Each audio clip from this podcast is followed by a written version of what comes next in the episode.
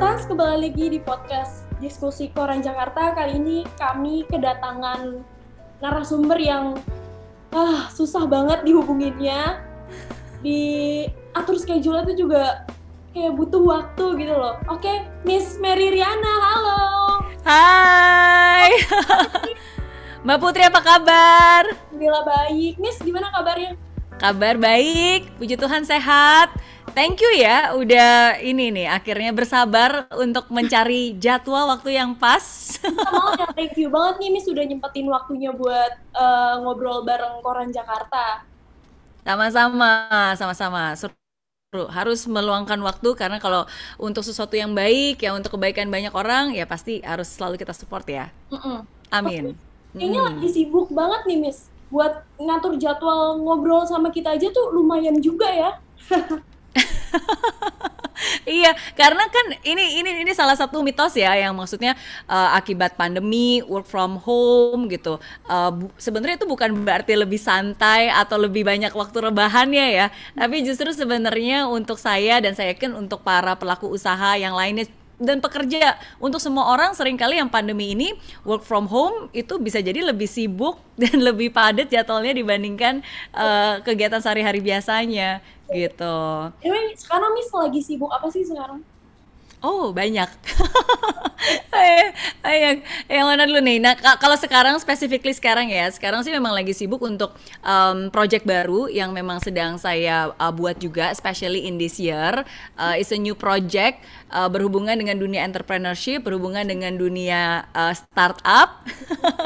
Iya, jadi kalau sekarang sih um, lagi membangun um, ekosistem di dunia startup dan membawa Founder Institute Indonesia, Founder Institute ke Indonesia. Ya, jadi kita lagi membuat project-project baru um, dan kita juga lagi uh, saya baru buat channel YouTube baru lagi nih khusus Mary Rena Venture gitu. Jadi nanti kita ngobrol-ngobrol lebih banyak lagi ya. Atau mau dijelasin sekarang atau gimana nih? Nih aku nanya dulu nih sebelumnya. iya iya, banyak banyak hal seru, cuma nanti uh, akan saya update ya, uh. seperti apa dan kenapa dan apa aja yang akan dilakukan. Tapi pokoknya it's, it's exciting sih. Mm. Ngomong-ngomong soal entrepreneur nih, Miss, mm. kayaknya nih menurut uh, pengamatan kami Koren Jakarta di luar itu uh, ekonomi emang lagi turun banget kan, tapi mm. lihat entrepreneur baru malah semakin naik. Contohnya yeah. kayak banyak wirausahawan yang baru jual kayak bisnis-bisnis makanan kecil-kecilan, terus kayak baju gitu. Terus menurut pandangan Miss, gimana sih kondisi ekonomi masyarakat di era pandemi COVID-19 ini? Iya, bener banget ya. Jadi kalau misalnya kita ngelihat kondisi yang sekarang, yang banyak orang bilang ini kondisi yang buruk, kondisi yang tidak baik, resesi, uh, perekonomian tidak baik gitu. Uh, memang itu fakta. Memang saya tidak bilang bahwa kondisi yang sekarang terjadi di Indonesia itu kondisi yang bagus banget gitu. Memang perekonomian kita sekarang pun juga bukan perekonomian yang terbaik gitu. Nah, tapi yang paling penting yang saya ingin dan saya selalu bilang kepada semua orang bahwa uh, ekonomi yang buruk bukan berarti hasilnya selalu buruk. Karena sering kali tuh orang mindsetnya seperti itu. Waduh, keadaan buruk nih. Kalau gitu hasilnya pasti buruk. Makanya banyak yang di PHK, makanya banyak bisnis bangkrut ya kan, makanya banyak omset yang nggak nggak kekejar gitu, target yang nggak kekejar gitu. Yes, memang itu adalah fakta. Tapi ada fakta lain yang berbeda. Ada orang-orang yang walaupun ekonominya seburuk apa pun, tetap aja bisa jualan, tetap aja bisa produktif, tetap aja bisa sukses gitu. Nah, jadi keadaan yang buruk bukan berarti hasilnya harus buruk tergantung dari respons kita. Bagaimana kita merespons. Kalau respons kita baik, kita mau belajar, kita mau berubah, kita adaptasi, kita mau kerja keras, ya kan? Nah, keadaan seburuk apa pun bisa berubah menjadi baik. Tapi sebaliknya nih, mau keadaan sebagus apa pun, tapi kalau respons kita pada dasarnya kita orangnya males-malesan, banyak alasan, suka rebahan gitu kan, letih, lemah, lesu, loyo, lembek, lemot. mau keadaan sebagus apa pun, hasilnya juga nggak akan bagus gitu. Nah jadi again, um, kita nggak boleh menyalahkan keadaan, tapi kita lihat nih apa yang harus kita lakukan, bagaimana respons kita. Nah dan dan benar seperti tadi uh, kalau kata um, Mbak Putri bilang bahwa justru di tengah kondisi yang sekarang ini bermunculan entrepreneur entrepreneur baru. Bermunculan uh, yang tadinya emak-emak sekarang jadi uh, apa bisnis ya. The power of emak-emak ya kan? Nah justru itulah. Karena sering kali di tengah-tengah resesi in every crisis there's always opportunity. Dan entrepreneur sejati adalah entrepreneur yang bisa mengubah kesulitan menjadi kesempatan entrepreneur itu pada dasarnya kan orang yang mencari solusi dari sebuah problem. Nah, ketika lagi ada resesi, ketika keadaan buruk itu banyak banget tuh problem di mana-mana. Nah, jadi ketika ada banyak problem, kalau kita jadi punya solusi untuk men-solve problem itu, muncullah entrepreneur-entrepreneur baru, muncullah semangat baru, muncullah kreativitas-kreatif baru yang akhirnya sekarang mulai bermunculan dan mulai terjadi gitu. Jadi menurut saya um, it is a good time uh, kalau kita selalu melihatnya dari sisi yang baik gitu. Mm Ngomong uh, secara spesifik nih pengaruhnya buat usaha Miss sedang yang sedang Miss jalani tuh gimana pandemi COVID-19 ini? Oh, berdampak pasti, pasti sangat berdampak. Apalagi kan kalau di Mary Riana Group, ya bisnis utama kita kan uh, sebenarnya di bidang inspirasi dan edukasi. Ya, ya kita ada Mary Riana Learning Center, um, tempat les, tempat pengembangan diri anak-anak usia uh, 9 sampai 19 tahun, dan kita sudah ada 8 cabang, dan itu kan sistemnya offline. Ya, jadi kalau kalau sekolah aja masih tutup dan belajar dari rumah, apalagi um, pendidikan informal seperti Meridiana Learning Center. Uh, terus selain itu Uh, dari Meridiana Group kita juga banyak melakukan event-event sebenarnya. Semua jadwal seminar saya ya kan? Terus jadwal event-event offline itu semuanya harus stop dan berhenti gitu. Jadi pasti sangat terdampak.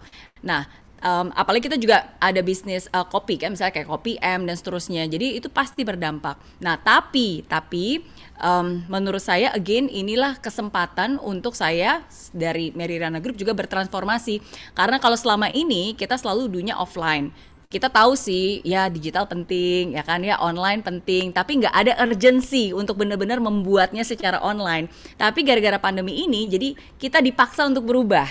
Jadi kalau awalnya Mary Riana Learning Center sekarang gara-gara pandemi akhirnya sekarang jadi ada Mary Riana Digital Learning jadi kita mengubah program dan kurikulum pembelajarannya menjadi digital, tetap experiential learning tapi lewat digital dan akhirnya itu menjadi um, satu kesempatan ya yang sangat berguna, bermanfaat karena kalau sebelumnya orang harus datang ke Jakarta untuk bisa belajar di Merirana Learning Center, sekarang orang di di di di Aceh, di Medan, di Surabaya, di mana pun juga di luar negeri mereka tetap bisa ikut karena lewat online. Nah, jadi awalnya um, musibah sekarang menjadi kesempatan dan akhirnya ini kita kembangkan menjadi bisnis unit sendiri. Nah itu hanya salah satu contoh uh, yang kita apa bisnis-bisnis baru, unit-unit baru yang um, kita kembangkan dan kita buat di tengah-tengah resesi ini akibat resesi ini, akibat pandemi ini. Hmm. Oke, okay, Miss, semua orang tahu kan kondisi ini sekarang sedang sulit banget ya. Dan yeah. kita nggak tahu uh, kapan masa ini tuh akan kelar gitu. Berakhirnya tuh kapan kita nggak mm -hmm. tahu boleh nggak sih di-share ke Jakarta hal spesifik apa yang perlu kita perjuangkan untuk membangun usaha di masa COVID-19? Lebih tepatnya sih kayak bertahan gitu. oh iya. Oke, okay. ya justru mungkin ini yang mau saya luruskan ya. Justru mindset kita tuh nggak boleh mindset bertahan karena kalau mindset bertahan itu sebenarnya kita lebih lebih pasif gitu. Mindset bertahan uh, ya udah deh gitu. Wait and see. Mindset bertahan tuh kayaknya ya tinggal nunggu nunggu saatnya aja gitu. Nunggu saatnya tiada gitu. Jadi menurut saya mindsetnya justru harus mindset berjuang bukan mindset bertahan. Nah mindset berjuang itu berarti ya kita harus berani melakukan hal-hal yang di luar uh, kebiasaan kita uh, yang maksud saya maksud dengan berjuang berarti kita harus bergerak gitu. Jadi nggak bisa hanya bertahan dia menunggu sesuatu berubah dengan sendirinya menunggu pandemi ini berakhir. No kita harus berjuang kita harus bergerak kita harus berani mencoba hal-hal yang baru gitu. Nah nah tapi tapi tentu saja bergerak itu bukan berarti kita gegabah ya. Nah jadi di saat-saat pandemi seperti ini menurut saya kita harus hati-hati. Tapi hati-hati bukan berarti berhenti Ingat ya, hati-hati bukan berarti berhenti. Jadi kita tetap bergerak, tapi kita harus benar-benar mengkalkulasikan, oke? Okay? membuat perhitungan, membuat prediksi dan harus terukur gitu. Oke, okay, jadi misalnya ini ada inisiatif baru nih. Misalnya kita mau melakukan uh, project baru ya contohnya misalnya kayak Merirana Digital Learning ya kan terus kita ukur nih berarti butuh berapa orang butuh resources apa terus targetnya berapa terus kira-kira bisa menghasilkan berapa selalu buat uh, best skenario dan worst skenario. Karena kita harus ngetes nih sesuatu yang baru kan harus kita tes. Uh, ini apa namanya worth our timing nggak? Worth our resources nggak gitu. Nah jadi kalau hasilnya baik baru nanti kita fokuskan dan lakukan lebih. Jadi kita harus mencoba banyak hal gitu. Jadi menurut saya pertama yang harus dilakukan mindsetnya harus mindset berjuang bukan mindset bertahan. Oke, okay? terus kedua uh, di saat-saat inilah justru kita harus banyak mencoba, oke, okay? mikirnya nggak boleh kepanjangan, tapi harus terukur. Jadi banyak mencoba, jadi is really test and measure. Kenapa harus di test dan measure? Karena kalau misalnya hasil kurang baik langsung di adjust lagi, harus harus gerak cepat sih menurut saya. Um, ya menurut saya sih at least untuk para pelaku usaha uh, itu sih yang yang sekarang pun kita praktekkan di Mary Riana Group ya. Mm -hmm di mana-mana bisnis tuh pasti semua orang per pernah mengalami up and down ya, Miss. Yeah. Mungkin kalau dari up ke down itu ya benar kata Miss tadi, kalau kita nggak berjuang udah pasti kita bakal runtuh gitu kan. Mm -hmm. Terus menurut Miss gimana nih cara kita bisa bangkit dalam kondisi usaha yang paling terpuruk yang pernah kita alami gitu? Oke, okay.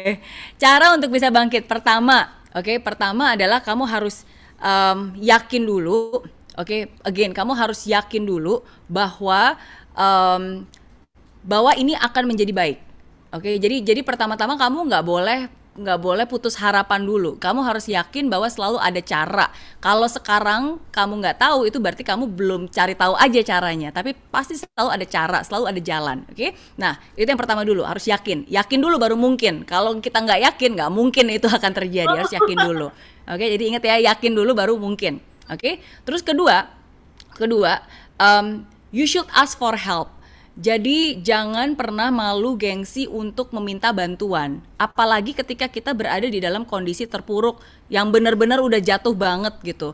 Jadi uh, sekuat-kuatnya kita ya pasti ada batasnya dan ketika kita berada dalam kondisi terpuruk itu kita pasti akan butuh bantuan bantuan dari orang lain yang mungkin lebih berpengalaman, bantuan dari orang lain yang mungkin bisa berkolaborasi dengan kita, ya kan, bantuan dari orang lain yang mungkin bisa kolaborate nih, bisa bersinergi gitu. Jadi um, jangan gengsi untuk benar-benar cari bantuan, oke? Okay? Don't just depend on yourself. Dan um, dan um, ya dan menurut saya dua hal itu sih dua hal itu dulu. Dan dari situ baru ada caranya dari dari situ baru ya kita intinya harus bergerak aja. Karena dengan kalau sekarang mungkin di kesannya nggak ada nggak ada pintu nih pintunya cuma ada uh, satu. Ya udah masuk aja pintu satu. Karena dari pintu satu baru nanti terbuka pintu kedua pintu ketiga pintu keempat gitu. Nah jadi menurut saya uh, itu sih. Jadi yang pertama harus yakin dulu. Oke okay? yang kedua berarti ask for help Iya, dan oke okay, kalau tambahin ketiga ya biar tanggung ya. Kalau dua tuh tanggung kayaknya. oke, okay, iya. Yang ketiga Iya, yang ketiga, yang ketiga itu menurut saya ya kita harus uh, gigih sih gigih dan dan apa ya um, bersabar um, apa ya gigih untuk bisa menyelesaikannya sampai tuntas oke okay? karena uh, semua hal itu pasti butuh proses jadi kalau sekarang nih um, kamu berada di dalam terpuruk oke okay, pasti ada prosesnya sampai kamu sukses. Jadi kamu nggak bisa tiba-tiba berharap dalam waktu sebulan terus semuanya bisa balik ke keadaan semula. No ya kan? Nggak mungkin dalam waktu mungkin enam bulan semua bisa balik lagi dalam keadaan semula. Uh, belum tentu gitu. Nah jadi kamu harus tahu ada prosesnya jadi bersabar. Nah dalam hal ini berarti asalkan ada progres oke okay, ya progres aja itu sudah baik sebenarnya. Berarti itu udah menunjukkan kamu udah berada ke jalan yang cepat. Eh berada ke jalan yang tepat gitu. Nah jadi yang yang terakhir ya berarti setiap ada prosesnya sih. Dan menyelesaikannya sampai tuntas. Dan percaya bahwa semua pasti akan baik-baik saja. Mm -hmm berarti tuh Jakarta ada tiga tips dari Miss Mary Riana. uh, dengar-dengar nih ya Miss, Miss tuh selalu bikin mimpi baru per mm. 10 tahun. Mm. Mungkin banyak Jakartans yang udah tahu dan banyak juga Jakartans yang belum tahu. Tapi mungkin ada beberapa Jakartans yang belum tahu nih, makanya bisa nggak sih Miss ceritain kenapa Miss selalu uh, apa ya bikin mimpi-mimpi baru tuh setiap 10 tahun sekali mungkin? Oh iya, iya. Jadi ini sebenarnya semua berawal dari ketika saya ulang tahun ke-20 ya. Jadi waktu itu memang namanya juga anak muda hidup dengan keterbatasan sendirian, perantau di negeri orang gitu. Pengen banget jadi, pengen banget berubah nasib, pengen banget jadi orang sukses gitu. Yang udah tahu, uh, udah baca bukunya, udah nonton filmnya pasti tahu ya. Nah jadi pada saat itu, di saat saya ulang tahun ke-20, di situlah saya bener-bener um, apa ya memberanikan diri untuk bermimpi besar bukan fokus pada kondisi yang miris pada saat itu tapi fokus pada mimpi. Ya dan di saat itulah saya uh, berhenti untuk menyalahkan keadaan yang tidak baik pada saat itu berhenti untuk menyalahkan diri saya sendiri gitu. Dan di situlah saya punya mimpi saya ingin bisa punya kebebasan finansial. Saya pengen bisa bayar hutang-hutang saya. Saya pengen bisa membahagiakan orang tua. Saya pengen rasanya jadi milioner gitu kan. Jadi miliarder half a million dollars pengen tahu gitu gimana rasanya. Ya dan bersyukur ternyata mimpi itu menjadi kenyataan ya uh, makanya orang taunya Mary Riana si wanita juta dolar gitu kan dapat satu juta dolar di usia 20 tahun ya sangat bersyukur. Nah, tapi dari situ akhirnya muncul mimpi-mimpi baru dan akhirnya menjadi rut, uh, menjadi ritual ya. Jadi di ulang tahun yang ke-20 mimpi saya itu dan berhasil, di ulang tahun yang ke-30 mimpi saya pada saat itu adalah saya ingin bisa menciptakan dampak positif dalam kehidupan jutaan orang khususnya di Indonesia gitu. It's not just about income tapi it's about impact. Nah, dan dari mimpi itulah waktu itu posisi saya masih di Singapura sebenarnya bisnis saya masih di sana, ya aktivitas saya masih di sana, tapi karena mimpi itulah akhirnya yang membuat saya kembali tinggal dan menetap di Indonesia. Dan akhirnya dari mimpi itulah ya sekarang saya jadi uh, bergerak di bidang inspirasi edukasi ya kan. Terus jadi punya TV show sendiri punya YouTube channel sendiri ya kan. Uh, uh, ada filmnya bahkan diangkat uh, ke kisah apa kisah hidupnya diangkat ke layar lebar dan seterusnya. Ya dan itu bersyukur banget gitu. Uh, akhirnya saya juga bisa bukan hanya mewujudkan mimpi saya ya tapi juga memperbesar kapasitas saya. Nah dan kebetulan di tahun 2020 ini it's a very memorable year. Uh, yang pasti memorable year bukan hanya untuk saya tapi kita semua ya gara-gara pandemi dan seterusnya. Benar. Tapi for me especially ini memorable year karena di tahun ini tahun 2020 ini uh, usia saya 40. Dan kalau banyak orang bilang life begins at 40, ya kan? Ya jadi uh, emang dari tahun lalu pun saya udah bener-bener memikirkan nih tahun ini mau buat apa ya 10 tahun mendatang apa nih mimpinya.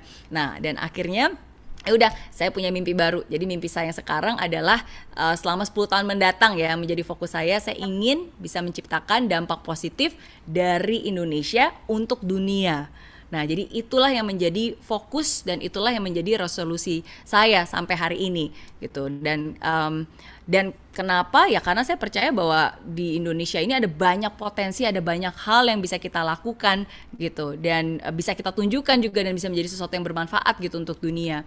Dan salah satu caranya adalah ya dengan mengcreate lebih banyak lagi entrepreneur, lebih banyak lagi startup karena inspirasi aja nggak cukup. Inspirasi itu harus bisa menggerakkan berubah menjadi sebuah aksi yang bisa menghasilkan sebuah solusi, menghasilkan karya gitu. Nah, jadi uh, itu sih awal mulanya kenapa akhirnya saya punya fokus ini ya dan dari situlah akhirnya uh, terlahir beberapa proyek-proyek baru yang sekarang sedang saya kerjakan. Ya, termasuk salah satunya adalah membuat channel YouTube baru uh, Mary Riana Venture. mm. Ini di Miss, uh, orang banyak yang bilang kan kalau katanya mimpi itu bunga tidur gitu. Mm-hmm. Pernah nggak sih uh, ada nggak ya Miss uh, mimpi yang Miss uh, udah rencana ini matang-matang tapi gagal? Mm. Ada terus gimana yeah. cara menghadapinya gitu? Oke, okay.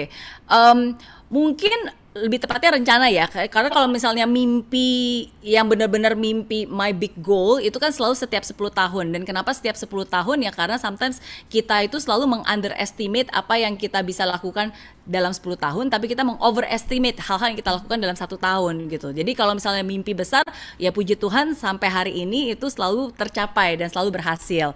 Nah tapi selain mimpi itu selalu pasti ada strategi-strategi nih ada goal-goal kecil yang menuju ke sana ke mimpi besarnya nah kalau goal-goal strategi kecilnya itu tentu saja pasti banyak yang sudah direncanakan tapi gagal gitu. Uh, nah, tapi itu kan bagian dari proses ya. Nah, bagian dari proses. Contohnya nih, contohnya Contohnya um, ini beberapa tahun yang lalu ya ketika saya waktu itu baru mulai di Indonesia uh, kan sebenarnya fokus saya di bidang inspirasi edukasi khususnya kids and teens anak-anak remaja usia 7 uh, 8 sampai 19 tahun. Nah, jadi pada saat itu saya pikir wah kayaknya bagus juga nih kalau misalnya saya membuat sesuatu yang berhubungan dengan parentsnya juga. Jadi bukan bukan hanya anak-anak remajanya aja. Nah, jadi waktu itu kita sempat bahkan bikin event ya kan kita uh, pengen membuat sesuatu yang berhubungan dengan parents, ya bikin parents expo lah dan seterusnya. Nah, tapi ternyata responnya tidak sebagus yang kita harapkan. Ya bahwa ternyata uh, tidak terlalu ada demand di situ dan seterusnya. Nah, jadi itu dalam tanda kutip termasuk yang dalam definisi definisi gagal ya. Oke. Okay? Nah, tapi again bagi saya itu bukan kegagalan sih itu ya pembelajaran juga ya jadi dan akhirnya ya udah kalau gitu kita fokusnya ke kids and teens aja jadi hmm. kalau misalnya memang ada yang bertanya tentang parenting ya nanti kita arahkan ke yang memang lebih expert dan memang lebih fokus ke bidang parenting. Nah jadi itu hanya salah satu contoh ya bagaimana um, strategi yang kita buat itu tidak selalu seramanya 100% pasti berhasil.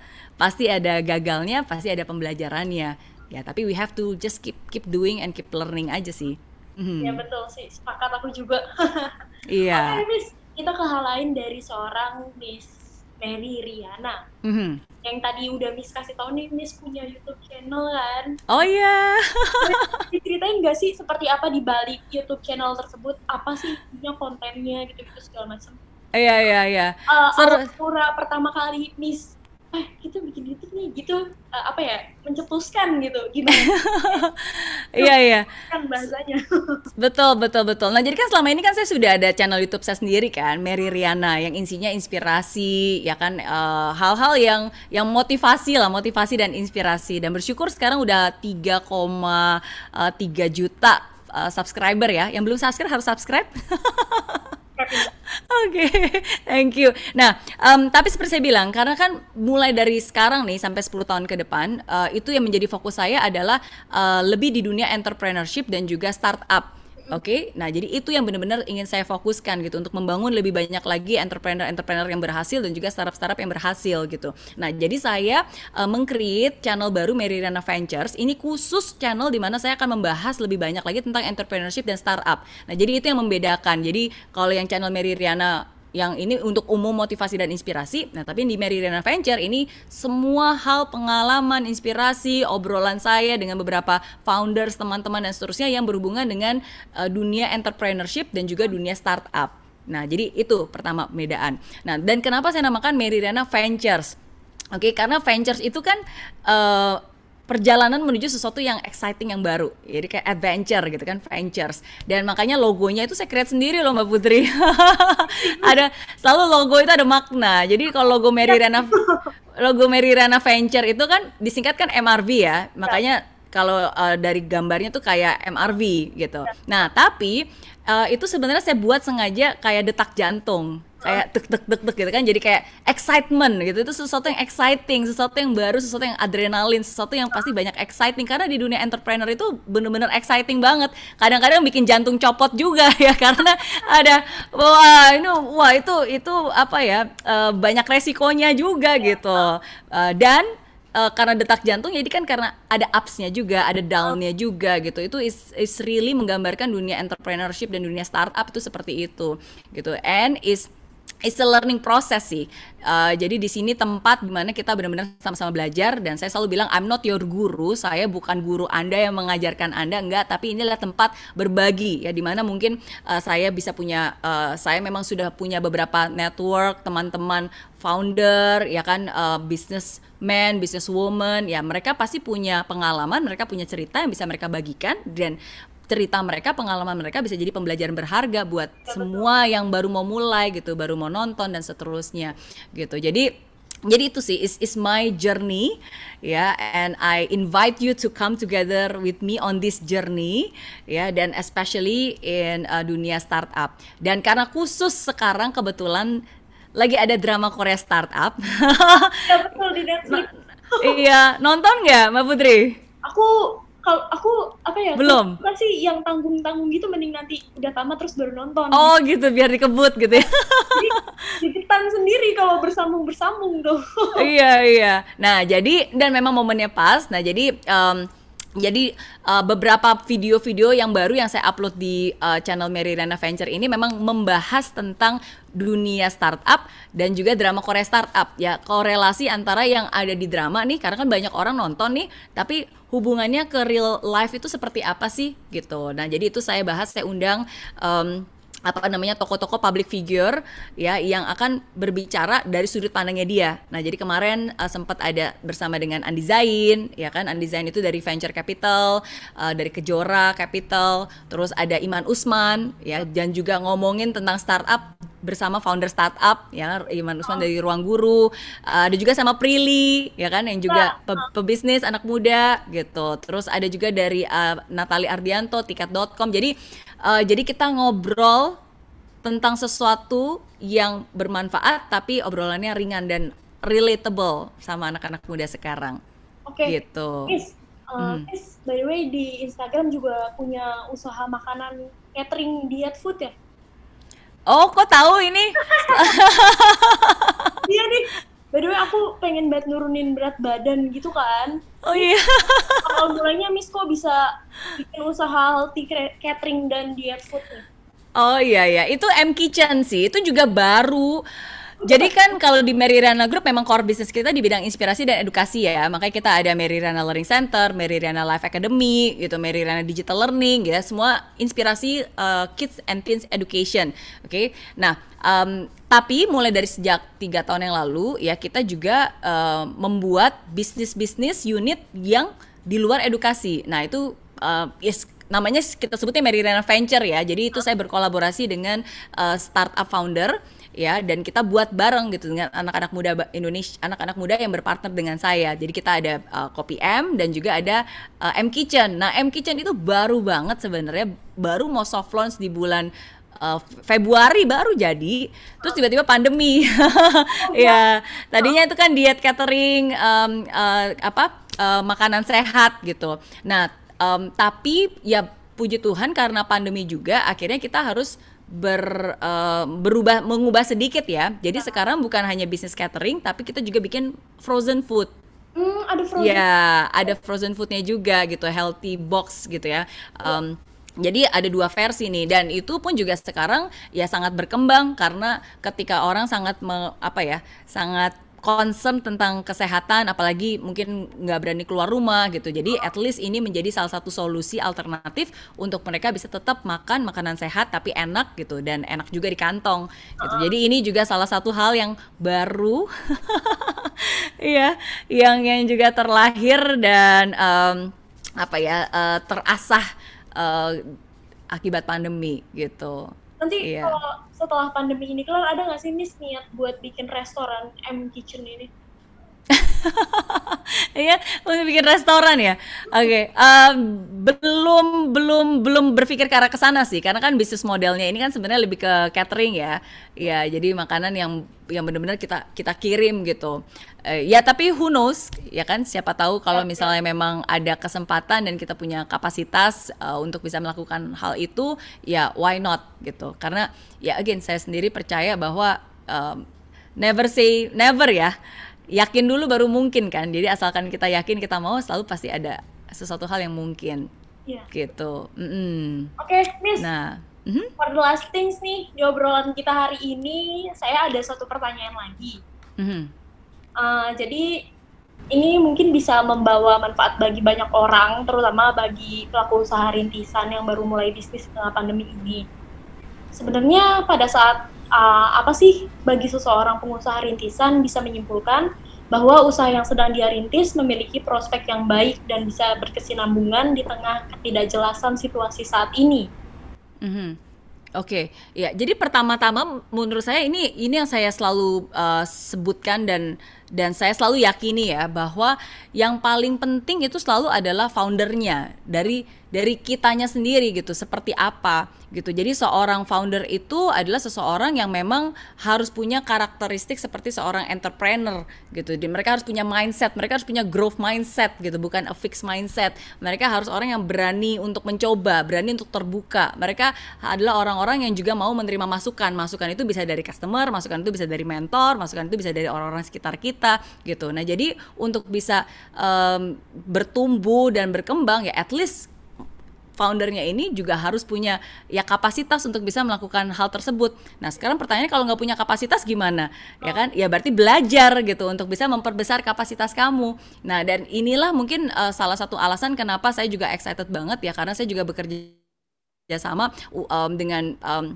dengan founder institute yang ada di Silicon Valley untuk membawa itu ke Indonesia Ya, jadi um, ini juga salah satu hal yang baru ya Founder Institute Indonesia. Founder Institute Indonesia itu adalah accelerator startup, pre-seed startup terbesar di dunia ya dan uh, berpusatnya tuh di Silicon Valley dengan cabang juga udah tersebar lebih dari 200 kota gitu dan kali ini kita ada di Indonesia untuk bisa memprovide kesempatan itu. Jadi yang pengen menjadi entrepreneur, ya mereka bisa belajar, mereka bisa dimentor, mereka bisa mendapatkan network, mereka bisa mendapatkan dukungan dan mereka bisa berproses gitu. Tentu saja ini bukan untuk semua orang ya karena uh, ada tahap seleksinya, ada tesnya dulu juga dan dan di akhir of course yang seperti saya bilang ada ada tahap seleksinya ya tapi at least ini adalah kesempatan untuk yang benar-benar serius yang mau yang merasa bahwa uh, masih banyak hal yang bisa dipelajari, masih banyak hal yang bisa dikembangkan, ya semoga ini bisa menjadi salah satu uh, apa ya solusi uh, buat buat anda semua gitu, ya karena oh, yeah. aku bisa interview Miss Mary Riana, ya ampun. Well, uh, banyak banget hal-hal uh, yang sudah terjawab dan semoga obrolan kita ini bisa membawa manfaat dan berkah bagi yang mendengarkan dan menonton, terutama buat Jakarta di rumah nih, Miss. Miss jangan kapok ya kalau kita undang lagi buat wawancara. Mungkin boleh main ke koran Jakarta, Miss. Oh iya boleh boleh. Kantornya di mana? Beleza. Di mana? Beleza. Oh, oke okay, oke. Okay. Boleh, boleh bisa, bisa. Nanti kapan-kapan semoga kalau situasinya sudah lebih baik ya nanti pasti pasti bisa gitu. Cuma cuma mungkin uh, pesan pesan terakhir ya dari saya untuk semuanya ya um, memang nggak ada yang tahu kapan pandemi ini akan berakhir gitu. Tapi pandemi ini pasti akan berakhir Oke, nggak ada yang tahu kapan tapi pasti gitu akan berakhir. Nah, jadi tugas kita ya jangan hanya nunggu dan rebahan tunggu itu berakhir, tapi kita bisa melakukan sesuatu gitu sekarang untuk mempersiapkan the new version, the new business, the new mindset gitu, the new beginning gitu. Jadi ini adalah kesempatan untuk kita bisa bounce back lagi untuk mempersiapkan after covid tuh apa sih yang akan bisa dilakukan gitu. Nah, jadi dan sekarang apa pun juga situasinya, uh, you have to take charge jadi harus bisa memegang kendali mau sebesar apa pun bisnis yang kamu jalani, mau sekecil apa pun bisnis atau mungkin baru mulai atau baru kamu sendiri, oke, okay, be have a mindset of CEO. Nah, CEO ini tips terakhir buat kalian ya. Gampang banget deh diingat. CEO itu uh, sesuatu yang saya buat supaya Anda bisa ingat. CEO, C yang pertama adalah kreatif. Ya, jadi jangan banyak komplain, tapi harus kreatif. Cari cara, coba cara-cara baru, belajar yang pertama kreatif, oke? Okay? E, E-nya itu efisien. Oke, okay? dan justru di saat-saat ini di mana resources terbatas, kita harus bisa lebih efisien, efisien dalam menggunakan waktu kita, efisien dalam menggunakan uang kita, ya kan, efisien dalam um, apa dalam um, melakukan strategi-strategi gitu. Jadi harus terukur, efisien. Dan yang terakhir O, O-nya itu online. Oke, okay, jadi mau nggak mau suka nggak suka sekarang you have to go online, ya kan uh, lewat dunia digital, ya kan. Jadi menurut saya itu sih uh, key-nya, ya dan dan senang banget ya semoga dengan apa yang saya bagikan di channel YouTube Mary Rana Venture, ya dan juga uh, di Founder Institute Indonesia ini bisa menjadi kesempatan baru untuk anda semua yang memang tertarik di dunia entrepreneurship, di dunia startup, ya bisa mulai dan dan belajar bersama. Mm -hmm. Miss, terima kasih banyak ya, yeah. Miss sudah menyempatkan waktu interview bareng Koran Jakarta. Sama-sama. Kita, harus pokoknya harus ngobrol-ngobrol lagi deh. Yes. Mah. pasti, pasti, pasti. Okay. Semangat, tetap optimis. Oke, okay, Jakarta, itu dia wawancara kami dengan Miss Re Mary Riana, seorang entrepreneur, influencer, dan edukator. Nantikan, nantikan diskusi Koran Jakarta selanjutnya dengan narasumber lainnya. Saya Putri Windastuti, pamit undur diri. Dah. Bye. Halo Jakarta, jangan lupa dengerin podcast diskusi Koran Jakarta hanya di Spotify.